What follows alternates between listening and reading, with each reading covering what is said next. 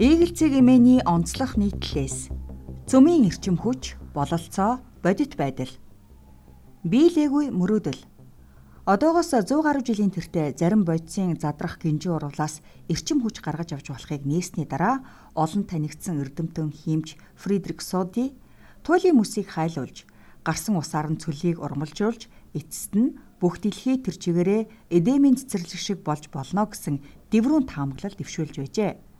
Энэ дэлхийн бүх юм хоорондоо нэгт уялдаатай байдаг зүй тогтлыг ойлгодог байсан хэрнээ ийм таамаглал дэвшүүлж байсан байгаа юм. Энэ бол мэдээж 100-ны шилдэг гэж хэлж болохоор тарих угаалт байсан. Ховц үйлдвэрлэгчид тэр үед эрчим хүчний найдвартай хүүсэр олсон нь үнэхээр үний юм бол бүтээгдэхүүний үн хямдарч борлуулалт нэмэгдэндээ хэмээн санаасарч байлаа. Харин цэргийнхэн эрх баригчид эсэргээр эдемийн цэцэрлэгийг хэмжээ хязгааргүй устгах чадaltaй зэвсэг гаргаж авах тухай бясалгаж байлаа. Уран нь байгаль дээр алтнаас 500 мөнгнөөс 20 дахин элбэг тархацтай элемент гэхээр хүн төрлөختөн эрчим хүчний гачаалаас гарна чинээс сэтгсэн нь тэр байв. Энэ бол дэлхийн нийт цөмийн эрчим хүчинд 100 жилийн өмнө хэрхэн хандаж байсныг харуулах баримт. Гэтэл бүхэл бүтэн 100 өнгөрчгөөд байхад Монгол улсад байдал яг л ийм байна. Эрдэмтэн мэрэгдэн цөмийн цахилгаан станц аюул бахта үйлдвэрлэл тооцогддог.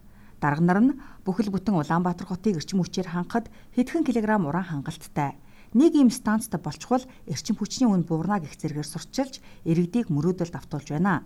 100 жилийн өмнө Содигийн гаргасан таамаглалд туйлын мөсийг хайлуулж гисэн бодлогогүй өгүүлбэр орсон талаар дээр хэлсэн. Туйлын мөс хайлах нь ямар хор уршиг дагуулж болохыг тэр үед мдээгүй байсан болохоор тэр дахиад 70 жил амьдарсан бол эрдэмтэн агсан ямар бодлогогүй үг хэлж байснаа ойлгох байсан баха. Гэтэл туйлын мөс хайлах нь цөлжилтийг улам нэмэгдүүлж байгааг харж байгаа хэрнээ манай эрдэмтэн дарганаар түүний мэдэхгүй юмаа ярьсан алдааг давтаж цөмийн хог хаягдлыг технологийн дагуу булшилвал хоргүй гэх мэтэр ухуулж байлаа. Өөрөөр хэлбэл засгийн газараас баталсан алсын хараа 2050 хөтөлбөрт хальт дүрдэгдсэн цөмийн цахилгаан станцыг шилний цаанаас харуулж байгаад урааны олборлолт хайгуулыг эрс эрчимжүүлэхээр шуурхалж байгаа байдал харагдаж байна.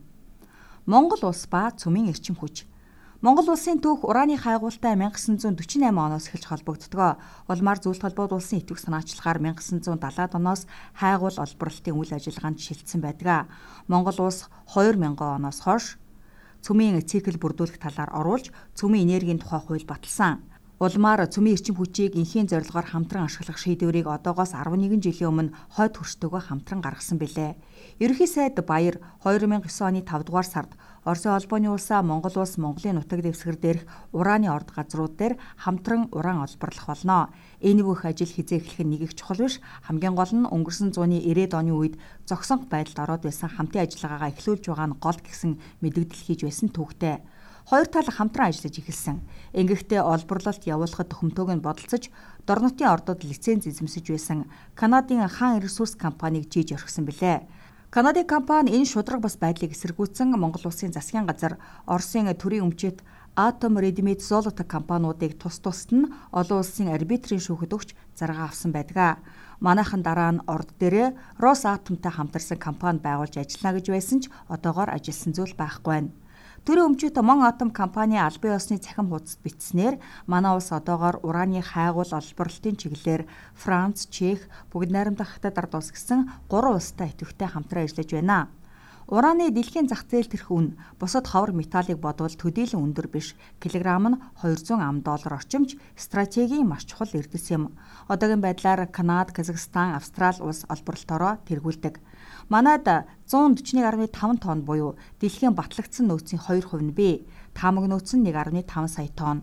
Манай улсын хувьд атомын цахилгаан станц цөмийн эрчим хүчийг инхийн зорилгоор ашиглах гэх мэт сайхан үгс ярьж байгаа ч үнэндээ бол дээрх батлагдсан нөөцийг олборлож экспортлох, цаашдаа хайгуул олборлолт, түүхийд үйлдвэрлэл, бууршлах үйл ажиллагааг явах нь ойлгомжтой байна. Энэ үйл ажиллагаа төсөлд оролцогч талуудаас гадна олон улсын хамтын нийгэмлэгийг хяналтанд явдаг гэх боловч үнэндээ энэ хяналт нь ялгамжтай. Аравиа компани Франц дахь уурхай эрүүл цэвэр хиймэл нуртай эргэн тойронд нь малын фермтэй сайхан байдаг. Гэтэл Африк дахь ордных нь орчимд хүн амьтан хордоод байдаг нь юуних вэ? Бодгол асуудал. Стратегийн ач холбогдол учир хүссэн бүхэн станц барьчихдаггүй. Манайх ч гэсэн хоёр хөршөөсөө байнга хамааралтай оршино. Нэг зүйлийг анхааруулхад уран бол зарж байгаа улстай төдийлөн ашиггүй. Харин станц байгуулад хэрэглүүл маш ашигтай. Тэгэхээр бид станц барихыг хүсэж таарна. Гэтэл бодит байдал дээр бид ямар статустай байгаа вүлээ? Монгол улс цөмийн цахилгаан станц барья гэвэл Оросын холбооны улстай л хамтрах хамгийн өндөр магадлалтай. Энэ талаар хийгдсэн хилцлүүд ч бий. Гэтэл манай эрчим хүчний шинэ үсвэр нэмж барих асуудлыг ил далд хамгийн их эсэргүүцдэг улс бол Оросын холбооны улс. 5 дугаар цахилгаан станц барих асуудал эцэстээ 4 дугаар цахилгаан станцыг өргөдөх асуудал болж дуустгийн цаана учрах бий шүрэн эгийн голын цахилгаан станцыг Оросууд эсэргүүцэж хямд эрчим хүч нийлүүлээ гэх мэт санал тавьдаг. Тэгэхээр үнэхээр атомын цахилгаан станц барих юм бол бид хамгийн багадаа шүрэн эгийн голын усан цахилгаан станцаа барих эрхгүй болно. Энэ хоёр төсөл зогсвол орхон говь гих мэт бусад төслүүд ч хотлоо олноо. Орхон говь явахгүй бол ой толгой тэргүүтээ говийн бүсийн уурхаанууд гүний усыг шавхаж гамшиг болно. Тиймээс бид ийм төлөөсдөгөөр ганц цөмийн цахилгаан станц барих уу гэдэг асуултад дор бүрнээ хариулах хэрэгтэй бололцоо ба бодит байдал. 100 жилийн өмнө үйлдвэрлэгчид эрчим хүчний найдвартай хөөсөр олсон нь үнэхээр үний юм бол бүтээгдэхүүний үн хямдарч борлуулалт нэмэгдэндээ хэмээн санааширч байсан талаар дээр өгүүлсэн. Гэтэл 100 жилийн дараа бүтээгдэхүүн хямдарсан уугүй юу? Цөмийн эрчим хүчний илүүдэлтэй орнууд дорой буурай нэгэндээ өнгөө эрчим хүч өгсөн үү? Бас л үгүй. Хүн төрлөختөн эцсийн эцэст цөмийн эрчим хүчийг гаргаж авснаа гэвэл тийм. Гэхдээ дэлхий эдемийн цэцэрлэг болсон уу гэвэл үгүй. Цөмийн эрчим хүч ашигтай юу? Ашигтай. Гэхдээ энэ ашгийг улс орон бүр тэгж хүртэж чадаж байгаа юу гэвэл бас л үгүй юм.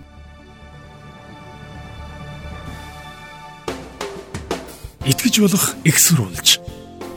Игэл радио 91.1